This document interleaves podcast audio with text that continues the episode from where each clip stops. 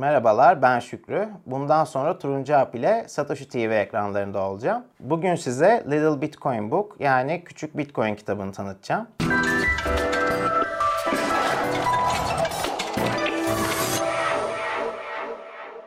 Bu kitap adından da belli olduğu gibi kısa ve öz bir kitap. 8 kişi tarafından yazıldı. 8 yazar da birbirinden farklı altyapılara ve kültürel geçmişlere sahip. Kitabın oluşum aşaması Alex Gladstein, Jimmy Song ve Alexander Lloyd'un oturup konuşup hadi birlikte bir kitap yazalım e, diye yola çıkmasıyla başlıyor. Alex Gladstein, İnsan Hakları Derneği'nin e, stratejisti.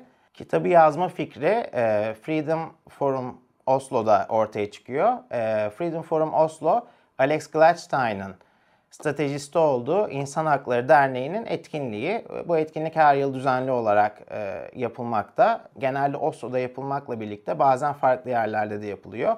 E, bu yıl ki mesela Miami'de yapıldı. Bu İnsan Hakları Derneği'nin etkinliğine e, bir sürü Bitcoin'ci de katılmıştı e, ve 8 kişi buluştular. Kitabın yazarları aslında bir e, Birleşmiş Milletler topluluğu gibi Nijeryalı, Venezuelalı, Filipinli, Amerikalı, Çinli e, her ülkeden e, yazar mevcut. Bunların tabi kendi paralarıyla ilgili de yaşadıkları çok değişik tecrübeler var. Ve bir yerde e, toplanıp bu kitabı yazmaya karar verdiler. E, Jimmy Song daha önce bir kitap daha yazmıştı. Bu kitabın adı Programming Bitcoin'di. E, bu kitap çok büyük bir basım evi olan O'Reilly tarafından yayınlanmıştı. Ve o süreçte Jimmy Song'la O'Reilly'nin arasında geçen bir konuşmada O'Reilly 3 e, veya 15 kişinin bir araya gelip konusunda uzman olan 3 ile 15 kişinin bir araya gelip kitaplar yazdığından da bahsediyor. E, Jimmy Song'un da hayali böyle bir grup toplayıp bir gün bir kitap yazmaktı ve Norveç'teki Freedom Forum e, buna ön ayak oluyor. Alex Gladstein bütün 8 kişiye de e-mail atıyor. Hadi gelin Kaliforniya'da 4 gün boyunca bir evde kalalım. Birlikte bu kitabı yazmaya başlayalım diye herkes üşenmeden gerçekten ülkesinden kalkıp Kaliforniya'daki eve gidip kitabı yazmaya başlıyorlar. Kitap başlangıcında e, farklı ülkelerde yaşamış olan bu insanların parayla ilgili yaşadıkları ve tecrübe ettikleri sıkıntılarla başlıyor. Timmy Nijeryalı ve e, Timmy'nin yaşadığı şey dolar ve nairanın e, dalgalı kurdan sabit kura dönüşmesi. E, General Abacha 1993 yılında Nijerya'da başa geçiyor ve e, doları Naira karşısında sabitliyor. 98 yılına kadar diktatörlüğünü devam ettiriyor Abacha. 98'de vefatından sonra da e, Naira dolara göre 4 kat değer kaybediyor ve e, hiç kimse elindeki parayla bir şey alamaz hale geldiğini fark ediyor. Ciddi bir açlık da oluşuyor ülkede. Alejandro Venezuelalı. Zaten 2018 yılında Venezuela çok kötü bir yıl yaşadı. Ortalama kişi başı e, Venezuelalılar e, gıdaya bile ulaşamadığı için 7 kilo kaybetmiş.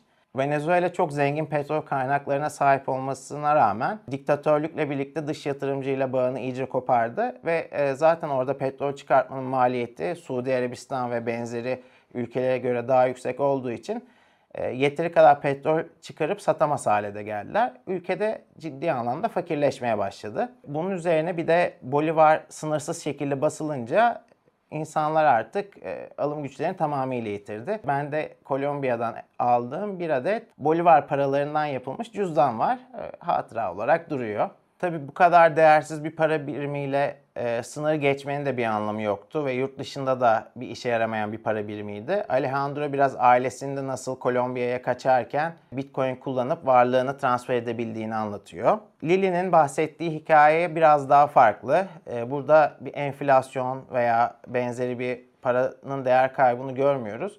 Yalnız e, Lily tanıdığı birinin başına gelen bir olaydan bahsediyor. Çinli birisi ne e, yasaklı bir uyuşturucu maddeyle ilgili WeChat üzerinden mesaj geliyor.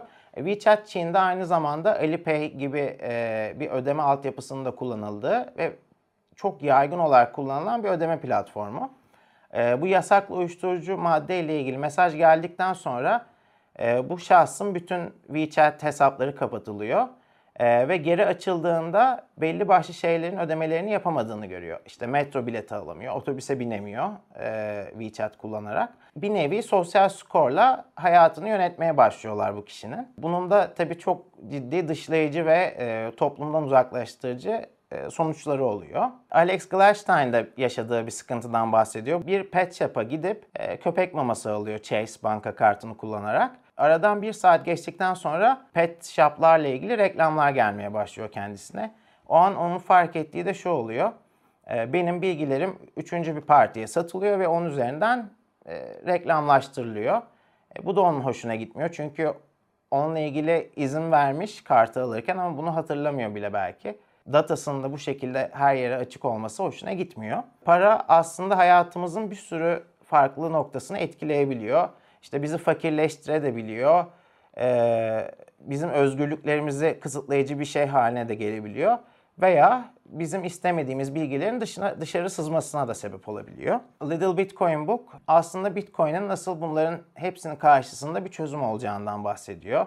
Zaten sınırlı arzda olan Bitcoin'in nasıl enflasyona uğrayamayacağından, zaten işte şahıstan şahısa yapılan işlemlerin arada bir üçüncü parti bulunmadığı için nasıl bilgilerin dışarı sızdırılamayacağından ve sansürlenemez olduğu için de e, nasıl kimsenin sistem dışına atılamayacağından bahsediyor. E, benim bu kitapta hoşuma giden kısımlardan biri de e, Bitcoin versus Big Brother is watching you yani büyük birader sizi izliyor e, dünyası hakkındaki tartışmalar. E, her şeyinizin kontrol edebildiği ve aldığınız aksiyonlara göre bazı şeylerden soyutlanabildiğiniz bir dünya mı istersiniz yoksa daha özgürce finansal harcamalarınızı yapabileceğiniz ve kimsenin size karışamayacağı bir araç mı kullanmak istersiniz? Bunu sorguluyor biraz. Orwellian e, uygulamalar diyor. Bir, büyük birader sizi izliyor tarzı uygulamalara. Bunun da çıkış sebebi zaten e, George Orwell'in 1948 yılında yazdığı 1984 yılında geçen kitabıdır. E, bu kitapta da aslında hayatta yaptığımız her şey kontrol altında ve e, devletin veya işte egemen gücün istediği şeyleri yapmamıza yönlendiriliyoruz. Bu yavaş yavaş da hayatımıza çıkmaya başladı. Çin'de kredi skoru, sosyal kredi skoru e, girmeye başladı hayatımıza. E, buna benzer Avustralya'da da uygulamalar var. Artık hatta Avustralya'da sosyal medya kullanmadan önce e, kimliğini paylaşman gerekecek ve senin kim olduğunu her zaman bilmek istiyorlar. Bunlar da tabii hayatın daha kontrolcü bir yere doğru gitmesine sebep oluyor. Son olarak da size HRF'den yani İnsan Hakları Derneği'nden ve e, bu derneğin Bitcoin üzerine olan çalışmalarından bahsetmek istiyorum. Bu derneğin bir Bitcoin geliştirme fonu var ve her yıl e, değişik projelere e, katkıda bulunuyor. İnsan Hakları Derneği'nin sitesinin adı hrf.org. E, bu sitede Bitcoin Development e, kısmı da var ve burada bağışları Bitcoin kullanarak da yapabiliyorsunuz. İnsan Hakları Derneği'nden de bahsettikten sonra bu bölüme veda etmek istiyorum. E, önümüzdeki bölümlerde tekrardan görüşmek üzere.